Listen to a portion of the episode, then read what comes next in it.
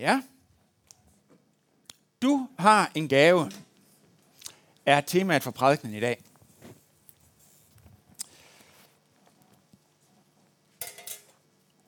Jeg tror, øh, de fleste af os, jeg tror faktisk os alle sammen, har fået udvidet vores ordforråd her de sidste par måneder med flere forskellige nye ord. Og det første, som jeg tror ikke ret mange, jeg vidste i hvert fald ikke, der var noget, der hed coronavirus for et halvt år siden, men det ved alle nu, fra barn til voksen. Coronavirus, det kan vi alle sammen fortælle, hvad det er.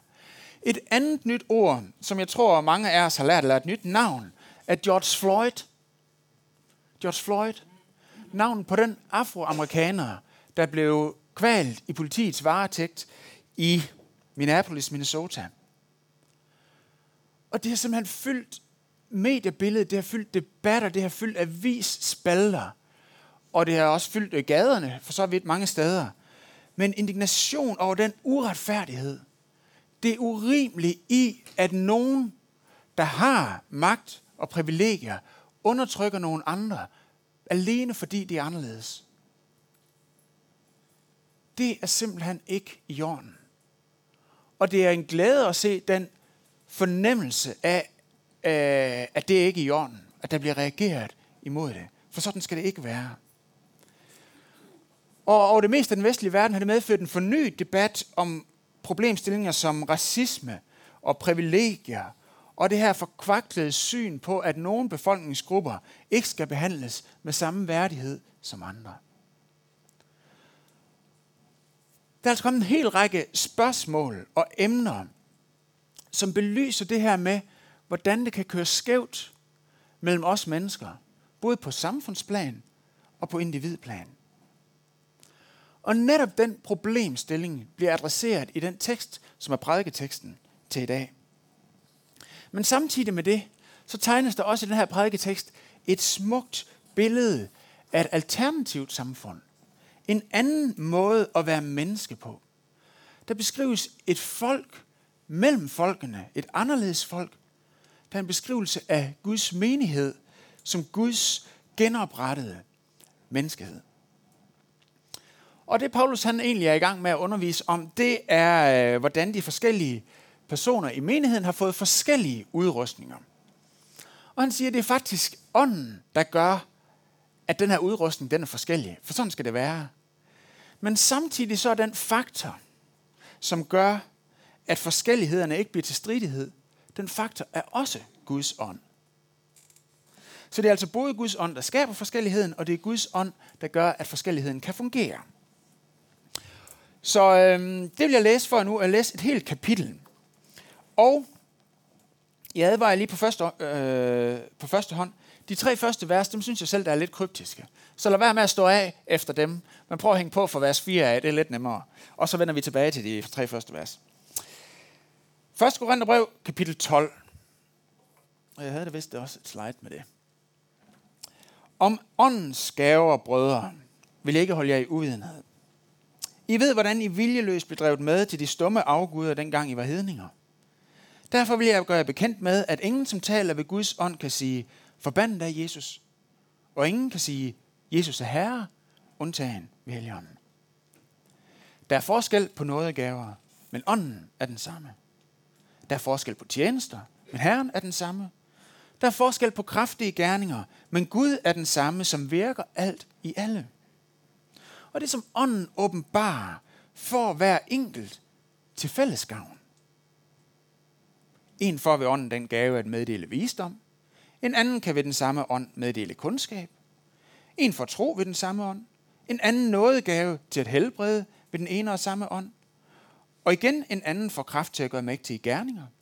En får den gave at tale profetisk. En anden evnen til at bedømme ånder. En får forskellige slags tungetale en anden evne til at tolke tungetale.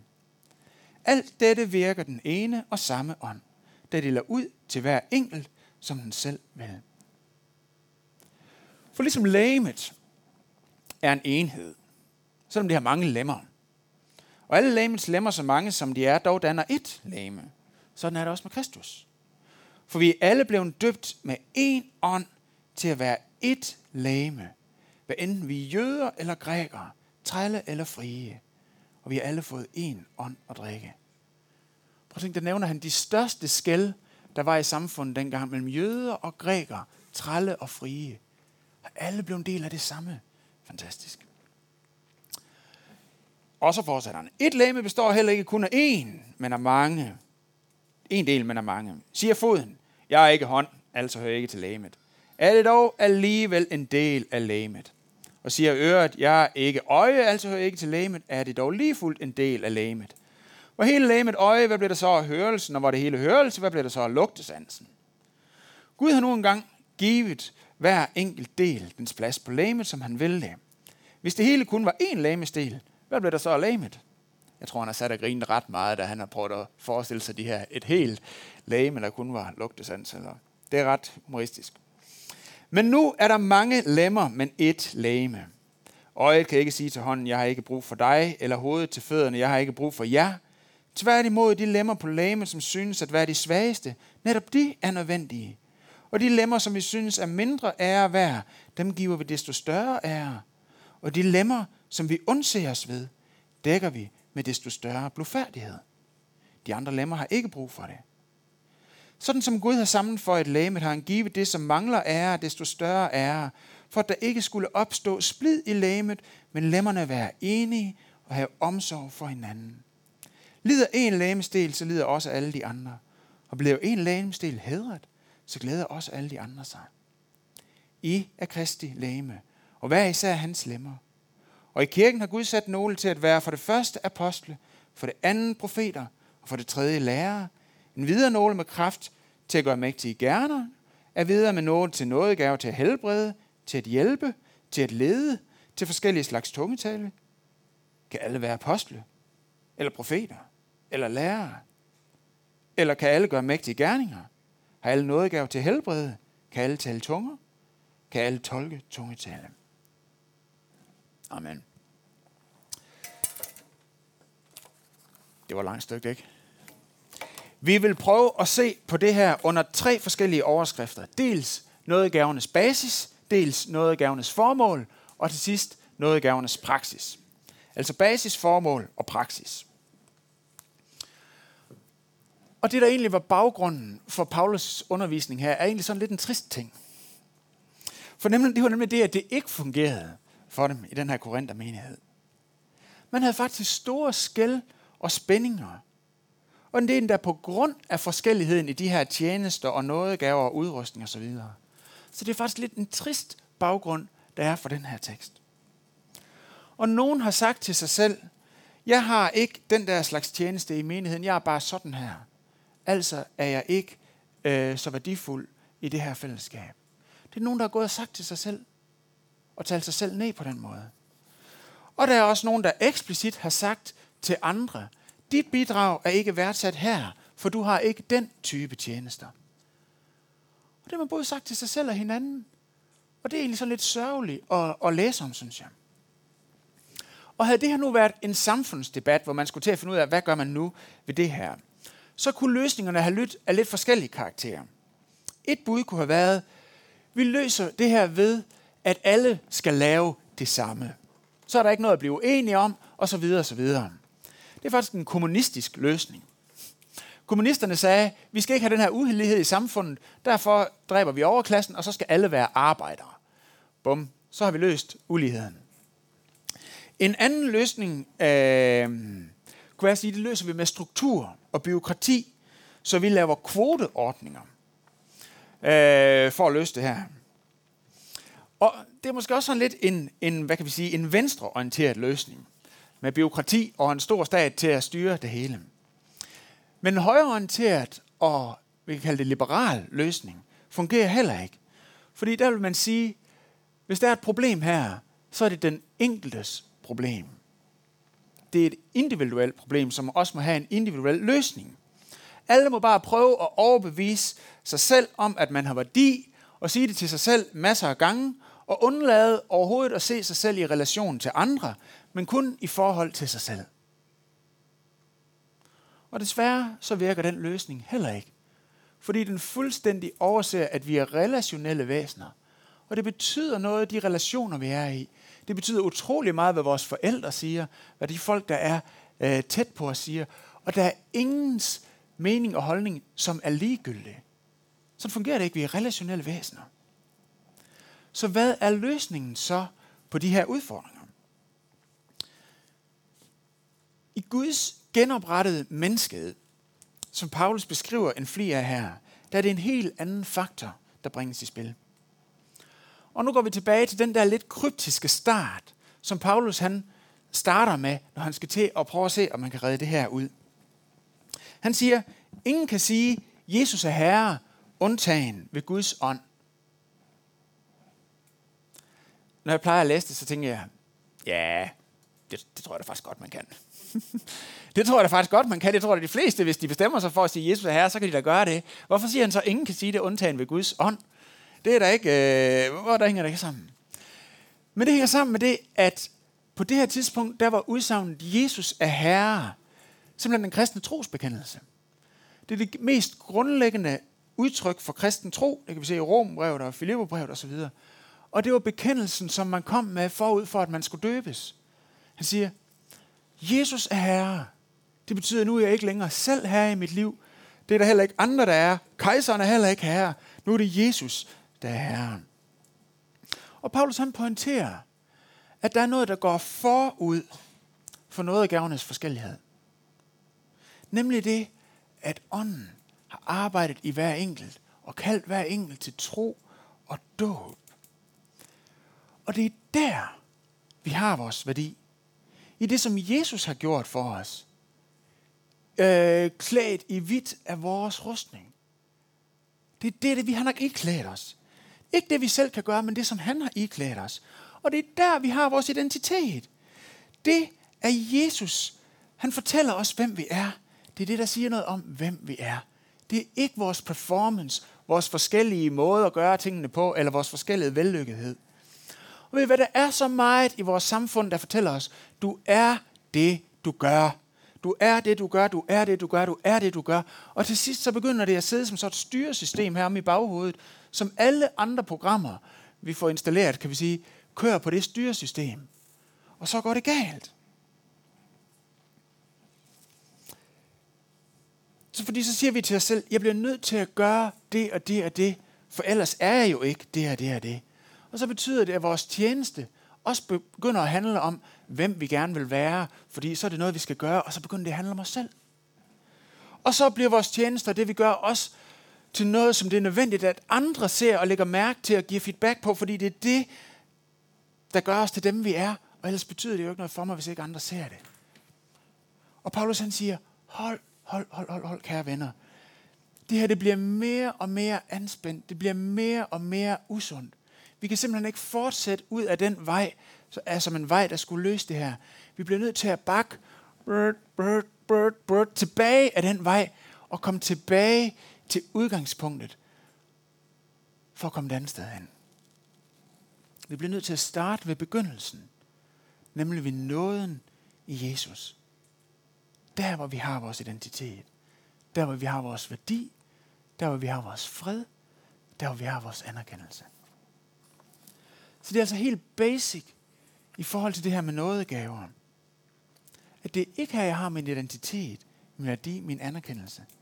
Den ligger nemlig solidt og trygt forankret i Jesus. Og det han har gjort for mig, og det han siger om, hvem jeg er. Og det betyder også noget for den interne kultur i så et fællesskab. Fordi at vi som kristne har oplevet at blive løftet op og æret af Jesus, at det som han siger til os, det han siger, vi er, så må den kultur, der er iblandt os, også være præget af værdsættelse, af gensidig øh, hæder, som vi giver til hinanden. Også i de tjenester, som er mindre synlige og mindre profilerede. Fordi når vi oplever, hvordan Jesus er optaget af at tjene os, så må vores handlinger også være præget af det fokus og af den hjertesag. Det var noget af gavernes basis. Men hvad er så formålet med de her nådegaver? I vers 7, der læste vi sådan her. Det som ånden åbenbarer for at være enkelt til fælles gavn. Til fælles gavn. Så hvis driveren i i tjenester og noget gaver er det her med, åh, hvis jeg bare havde den der tjeneste, eller den der øh, nådegave, så ville det virkelig opmuntre mig og stive mig af, og jeg tror, det ville være, det ville være godt for mig. Og dilemmaet er, at det er faktisk et helt legitimt ønske. Det er faktisk en helt legitim længsel at have at blive opmuntret og stivet af. Men hvis vi går ud af nådegavevejen, ud af tjenestevejen, for at få løst det, så lander vi i den blindgyde, vi lige har forsøgt at bakke ud af. Og det vil heller ikke virke, men kun føre til smerte for os selv og andre. Fordi det kun er Jesus, der kan møde os i det behov og i den længsel. At driveren i tjeneste og nådegave må altid være ønsket om, at Guds kærlighed og hans genoprettelse må nå til flere mennesker. At, det må gå, at der må være noget godt for Gud, der bliver ragt til nogle andre. Til fælles gavn, som Paulus skriver. Og det betyder også, så er det faktisk ikke for min skyld, så er det for nogle andres skyld. Og hvis vi lige prøver at vende tilbage til den her lidt kryptiske indledning, hvor øh, Paulus han sagde, at ingen kan sige, at Jesus er herre, undtagen ved helgen. Så vil man på det her tidspunkt, hvis man har hørt en sige, at Jesus er herre, samtidig også have hørt mellem linjerne, og det betyder, at Cæsar er ikke herre. For det er jo det, man skulle sige og bekende rundt i hele Romeriet. Cæsar er herre, eller kejseren er herre. Så må man ellers tro på hvad som helst, hvis bare man anerkendte kejserens overhøjhed. Og det vil sige, ved at bekende Jesus er herre, så placerer den bekendelse lige pludselig en midt i et samfundsmæssigt og politisk og social øh, kampfelt. Fordi at det var noget andet, man skulle sige. Det var noget andet, man skulle bekende sin loyalitet til på det her tidspunkt. Så statement om, at Jesus er herre, placeres lige pludselig midt i en mellemmenneskelig virkelighed. Fordi det at være kristen er en alternativ måde at være menneske på. Vi er som kristne et anderledes folk, som Gud har kaldt til at være hans folk, og til at udvide hans rige for øjnene af denne verdens magter og myndigheder. Og nu er det det her, det begynder at blive lidt vildt, det her tema. Fordi Gud har udrustet de kristne til at være Guds fornyede folk ved at give dem del, ved at give os del i sine egne guddommelige evner. Ikke alle hans guddommelige evner, men en enkelt del har han udrustet hver enkelt med. Giv os en gave. Det er det, der kaldes nådegave. Eller vi kunne kalde det Jesus evner. Jesus har givet nogle af sine evner til hver enkelt af os, der tror på ham. Og på den måde så hænger nådegavernes formål også sammen med nådegavernes basis. At de gode nyheder om Jesus, som vi selv lever af, de gode nyheder, som skaber os som Guds folk, så har skabt os til at være Guds folk, Guds fornyede menneskehed, at det også er gennem det, at Jesus virker med sine egne gaver til at genoprette den her verden.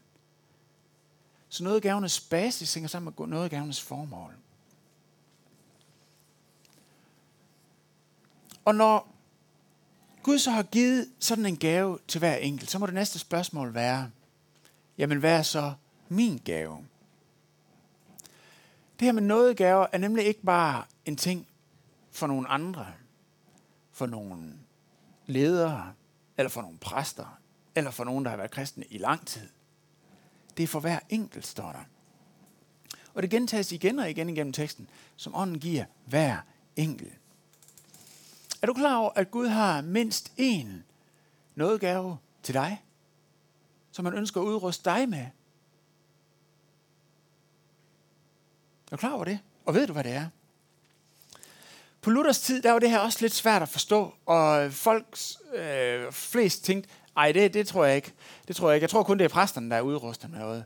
Og den var simpelthen så svær at få igennem til folk, det her. Så Luther han opfandt et nyt ord, som han kaldte det almene præstedømme. Og han sagde, ja, ja, okay, okay. I får ret. Det er kun for præster. Men til gengæld, så er vi alle sammen præster. Det almene præstedømme. Altså, vi er alle sammen præster, fordi vi alle sammen er inviteret til at gå ind i Guds nærvær, og vi kan alle sammen bringe Guds nærvær. Og jeg har en kammerat, der er præst over i Kvavlund, Jakob Wilhelm hedder han. Og han øh, sagde, da han blev, øh, var til ansættelsessamtale derovre og skulle møde menigheden, så, så, så sagde han, jeg vil kun være præst på den betingelse, at I alle sammen vil være præster. For det er sådan, Guds menighed er konstrueret til at skulle virke med det almene præstedømme. Og det giver jo faktisk en helt anden medlemsforståelse. Paulus han taler om det her med lemmer. Øh, lemmer, med lemmer på et læme. Fordi medlemmer i en, øh, i en kirkelig sammenhæng er ikke bare det, at man kommer til at stå på en medlemsliste, og så tjek, så er man medlem, så kan man godt øh, lænde sig tilbage. Men Paulus han siger, det, sådan er det jo heller ikke med et læme. Der er ikke nogen lemmer, der bare sådan sidder der. Og, jamen, de har egentlig ikke nogen funktion. De sidder bare og, og øh, er passive øh, lemmer. Sådan fungerer det jo ikke med medlemmer på et læme, og sådan skal det heller ikke være på, øh, i den kristne menighed. Nej, man bliver en del af en vision. Og der er ingen, der er overflødig, ligesom på en krop. Så, hvordan kan det her blive praksis i dit liv? Hvad er din nådegave? Ja, det kunne være fedt at bruge tid på at snakke med hver enkelt og få spurgt ind til at bede over, hvad er det, der er den enkeltes nådegave. Og jeg kan ikke love, at vi kommer til at lande den her i dag. Men det er den her prædiken er tænkt som en kick-off til dels vores sommerlejr, hvor temaet er, hvad siger Guds ånd? Og til vores mindeslejr i september, hvor temaet er hverdagsliv i åndens kraft. Så det er kun lige noget, vi når at få ploven sat i jorden i forhold til i dag, det her med, hvad er vores nådegave. Men jeg vil prøve at give nogle guidelines, som forhåbentlig kan sende os i den rigtige retning. Og den første guideline, som jeg vil opfordre til altid at starte ud ved, er det her med driveren. Hvordan driveren i enhver tjeneste og enhver nådegave altid må være ønsket om, at Guds kærlighed og Guds genoprettelse må nå til andre mennesker.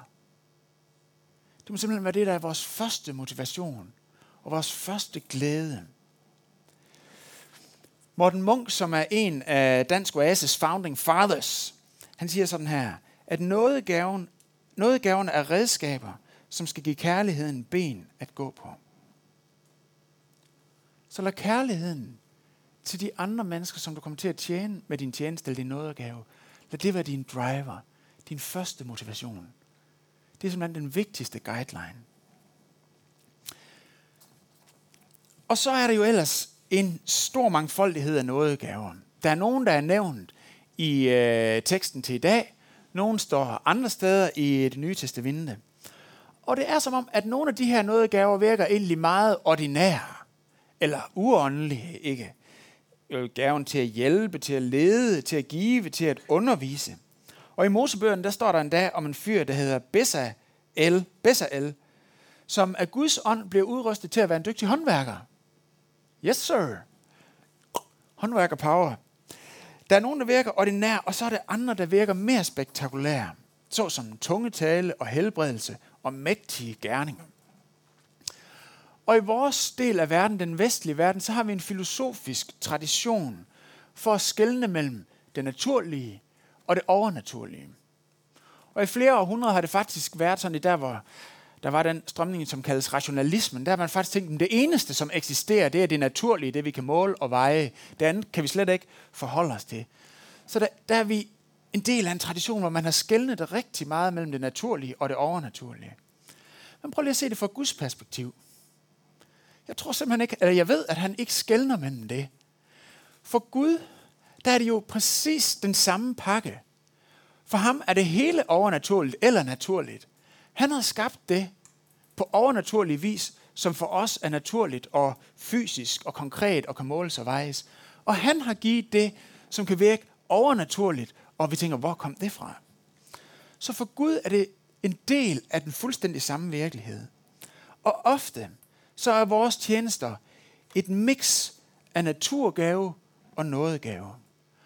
Og den bedste illustration, som har fået det her på plads for mig, var egentlig, jeg lærte for mange år siden på bibelskole, hvor min lærer sagde, jamen altså, det er ofte et mix, hvor noget er nådegave, det er det grå her, og så er der naturgave, det er det sort.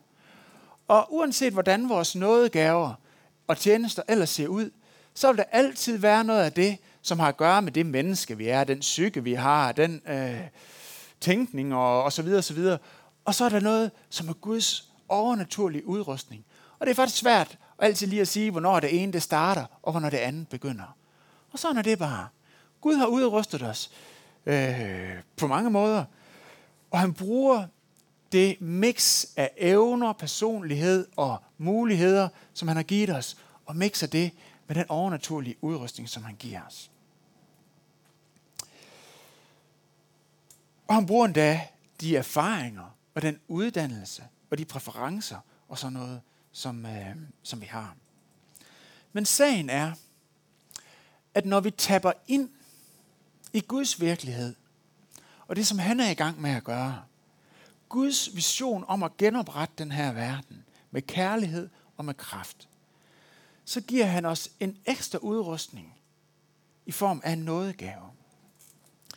Og øh, det er sådan lidt, altså nu kan jeg godt lide de her håndværkerbilleder. Det er sådan lidt, jeg ved ikke om I kan huske, i gamle dage, dengang vinduer de skulle skrues i med sådan en her. Store karmskruer. Og man bliver rigtig træt i underarmen, og den kan blive helt hård, hvis man skal skrue mange vinduer i. Sådan er det, hvis vi går i gang med, med et eller andet. Så en gammel, så kommer Gud og prikker os på skulderen og siger, skal vi prøve med den her? Gud giver os kraft til at gøre det, som han har kaldet os til. Han giver os en nådegave til at tjene. Noget, som måske er svært at sige, hvornår er det, at det er ud over det, som er vores naturgave, og hvornår begynder nådegaven. Men han vil altid, når vi tjener ham, give os en udrustning til at gøre det, som han har kaldet os til.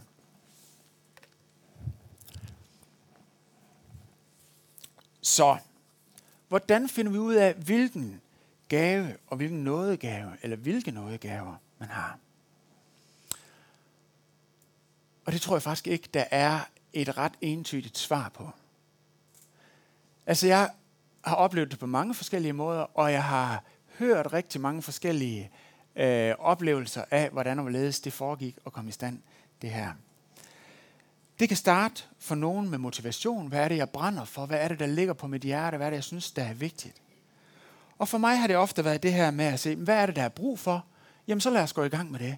Og så regne med, at Gud han udruster hen ad vejen. Og så noget af man gammel bakket ud af og sagde, nej, det tror jeg faktisk ikke lige Gud, han har udrustet mig til. Så må vi prøve noget andet. Og andet, så har Gud givet kraften og det, der var brug for efterhånden, som der, som der var brug for dem. Og jeg vil prøve at komme med nogle eksempler, som, øh, som måske kan give en fornemmelse af, hvordan det her det kan se ud. Dengang Ben og jeg flyttede her til Kolding, der skulle jeg begynde at øve mig i at slappe af. Og det gjorde jeg bedst, fandt ud af, ved at lave noget. Så jeg begyndte at cykle mountainbike. Det var dejligt. Det rekreerer jeg rigtig godt med at lade op i grøn øh, krop, sind og ånd, eller hvad det hedder. Og øh, så sker det jo det, når man cykler mountainbike, så kommer der jord i gearne, og det bliver slidt og alt muligt. Og så skal der repareres på dem. Så jeg begyndte at reparere rigtig meget cykler, og blev efterhånden øh, ret god til det. Og så var det som om, at Gud han begyndte at, at prikke til mig og sige, hey Mads Peter, kunne du ikke bruge det der til at hjælpe hende der med at lave cykel, eller til at hjælpe ham der? Eller øh, har du lagt mærke til, at vedkommende der øh, godt kunne lige bruge og få justeret det og det? Og så har jeg i øh, tiden, siden der faktisk repareret rigtig mange cykler hjemme i mit øh, lille værksted, og fået nogle snakke med folk, og, og hjulpet dem videre med deres cykel. Og så da øh, kirkelederne her i Kolding snakket om, hvordan kan vi gøre noget for at tage imod studerende. En sjældel af alle Kolding, øh, koldingenser er faktisk folk, der er i gang med en uddannelse. Og når man flytter til en ny by, så er det altid sådan en overgang, og hvordan falder man til, og sådan et, et lidt skrøbeligt øh, sted i tilværelsen. Så vi vil gerne lave noget, der hedder Velkommen til Kolding, hvor vi tog imod alle tilflyttere der efter sommerferien. Og så foreslår man, skal vi ikke lave cykelreparation og reparere studerendes foretrukne transportmiddel? Så kan vi se kaffe og kage og snakke lidt med folk og sådan noget. Så det gjorde vi, og det skal vi også gøre til september. Og Kjeld og mig skal stå og skrue i folks cykler. Og ved I hvad? Det er bare for at give et eksempel på, hvordan at det kan starte ud som en helt ordinær ting. Og som hvor Gud han siger, hey, det her det kan vi bruge i mit rige. Og hvor han lægger sin glæde og sin velsignelse i at tjene andre med det. Så mindsetet er, hvordan kan jeg være med til at formidle Guds kærlighed og hans genoprettelse igennem de gaver, jeg har fået? Og måske kan man godt se, at jeg mangler noget i det her. Og så bede Gud om, hvordan vil du give, kan du give mig, øh, vil du hjælpe mig til at gøre det her godt? Vil du hjælpe mig til virkelig at nå det her menneske? Eller nå det der segment? Eller lykkes i det her? Så jeg vil stille dig spørgsmålet. Hvad er du god til? Er du god til at lave pasta bolognese? Måske kunne det blive din nådegave. Seriøs. Er du god til at skabe hygge omkring dit køkkenbord? Har du tænkt på, at dit køkkenbord kunne blive et mødested, hvor Guds rige bryder ind i den her verden og sender folk på en god og håbefuld rejse, som kommer til at genoprette deres liv? Har du tænkt på, at det kunne være en nådegave og skabe en hyggelig stemning omkring dit køkkenbord? Jeg kan sige, at kirkehistorien vidner om mange køkkenborde, hvor Gud han har mødt mennesker. Hvad er du god til? Er du en dygtig børsmaler? Okay? Hvad hvis det er noget, Gud han kan bruge i sit rige? Eller har du nemt ved at se folk, når de trænger til en opmundring? Jeg kan godt sige dig, at Guds ånd gerne vil flyde igennem sådan en øh, styrke og bruge det. Eller du er en god IT-programmør? Hmm?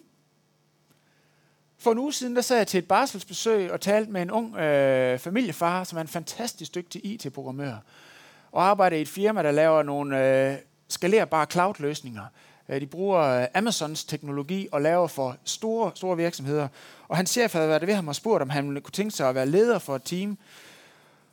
Og det var han lige i gang med at overveje. Han sagde, at det jeg egentlig brænder for, det er at se mere af Guds rige. Og så sagde jeg til ham, ved du hvad? Pitch den her vision for din chef og sige, hvis, hvis jeg skal være leder i det her firma, så vil jeg være det ud for de her tre grundlæggende værdier. Og så hør, hvad han siger til det. Er du en dygtig IT-programmør? Hvad hvis det kan blive din nådegave? Hmm?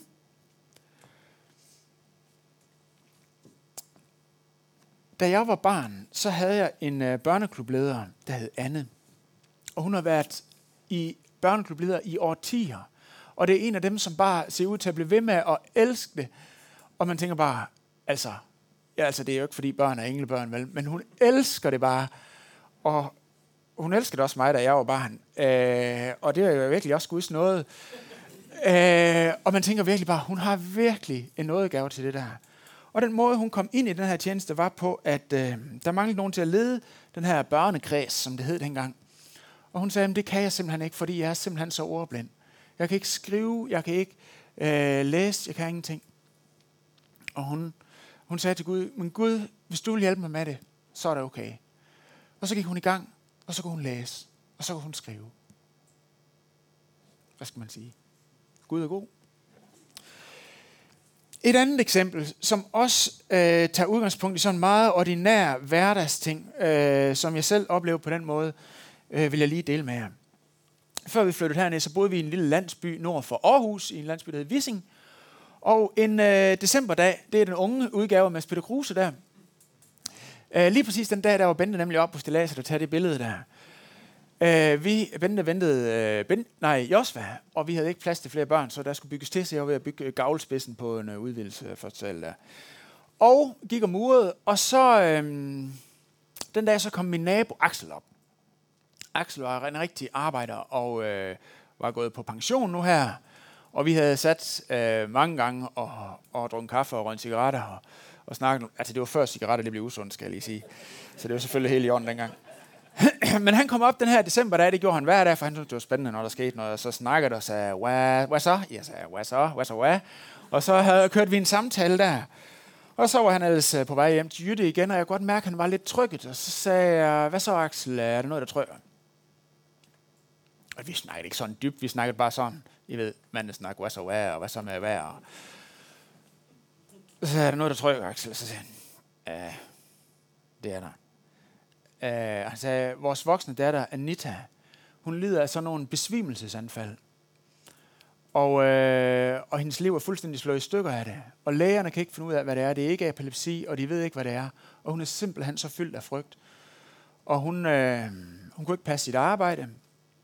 Og hun, øh, hun, hun kørte på scooter, og hun var væltet på sin scooter på grund af de her besvimelsesanfald. Og hun turde ikke at komme uden for en dør. Hun var så fuld af frygt, og de vidste ikke, hvad de skulle gøre ved det.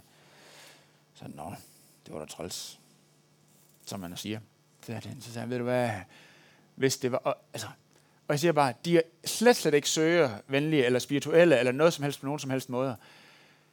Men jeg tænkte, mm, øh, ved du hvad, prøv at sige til hende, at hvis hun gerne vil have, at jeg skal komme og bede for hende, så, øh, så vil jeg gerne det, for jeg tror faktisk på, at Gud han kan helbrede.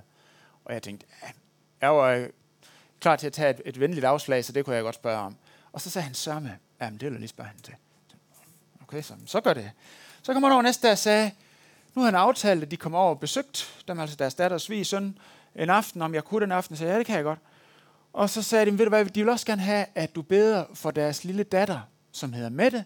Hun var cirka 5 år, og hun led af feberkramper. Og det er ikke så, gør ikke så meget, så længe de er helt små, men når man er fem år, så er det ikke så godt længere. Og hun var blevet helt blåsort, inden at hun var kommet ud i ambulancen sidste gang. Så det var de heller ikke så glade for, at det vil jeg gerne bede for. Og så kom jeg over, og øh, vi sad og snakkede over cigaretter, og, øh, og jeg fortalte lidt om Jesus, og at han er et fantastisk menneske, som kender alle, også dem, der ikke kender ham, og han lider med os i vores øh, smerter, og at han kan løse ting og give nyt håb. Og dengang han gik rundt på jorden, der helbredte han folk, og det var han faktisk ikke stoppet med. Og vi med frimodighed kunne bede ham om at gribe ind i vores liv, når der var noget, som, øh, ja, som vi gerne ville have ham til at gribe ind i. Og det var helt nyt for dem. Og så sagde jeg, skal jeg så bede, og så skulle jeg først bede for Anita.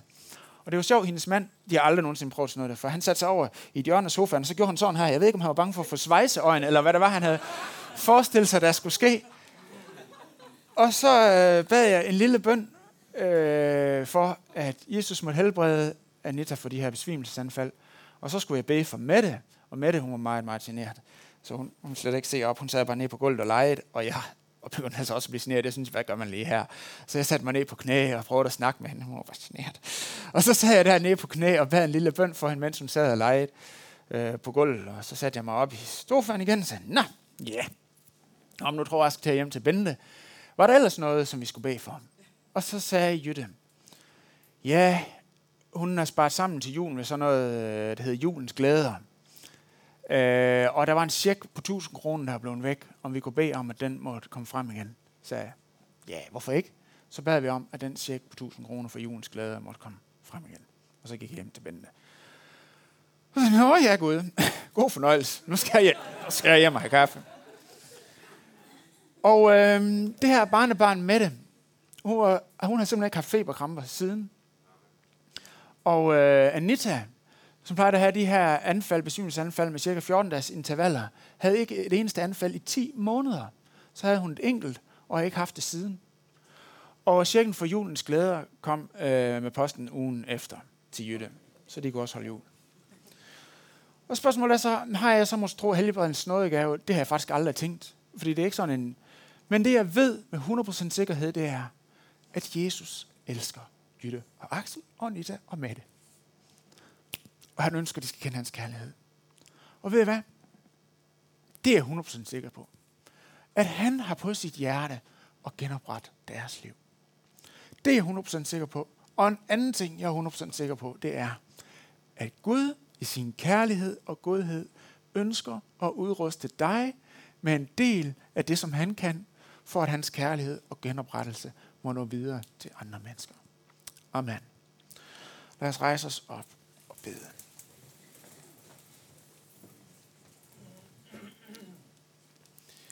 Jesus, det er for vildt, og det er for stort, at du giver dele af noget af det, som du selv er. At dine fantastiske gaver til os, for at vi får lov til at tage del i det smukke, som du er i gang med, Jesus. Tak, Herre Jesus, fordi du er så god. Tak, fordi du er så fuld af håb for enhver. Tak, fordi du er i gang med det her fantastiske genoprettelsesprojekt af os og af hele den verden, du har skabt. Og tak, fordi vi får lov til at være med som dit fornyede folk. Tak, Jesus, fordi at du kalder os til det. Og Jesus, jeg beder om, at du i dag eller i løbet af det, som skal ske i sommerferien og på lejr osv. videre, Må gøre det tydeligt for os, hvad det er, du kalder os ind i, så vi kan være med til at ære dit navn, og for at vi sammen som dit folk kan være med til at tage del i din genoprettelsesmission til den her verden. Jesus, vi beder, at dit navn må blive helliget. Vi beder, at dit rige må komme, og vi beder, at din vilje måske, ligesom i himlen, således også i Kolding. Og vi beder vi, Jesus, i dit vidunderlige navn. Amen.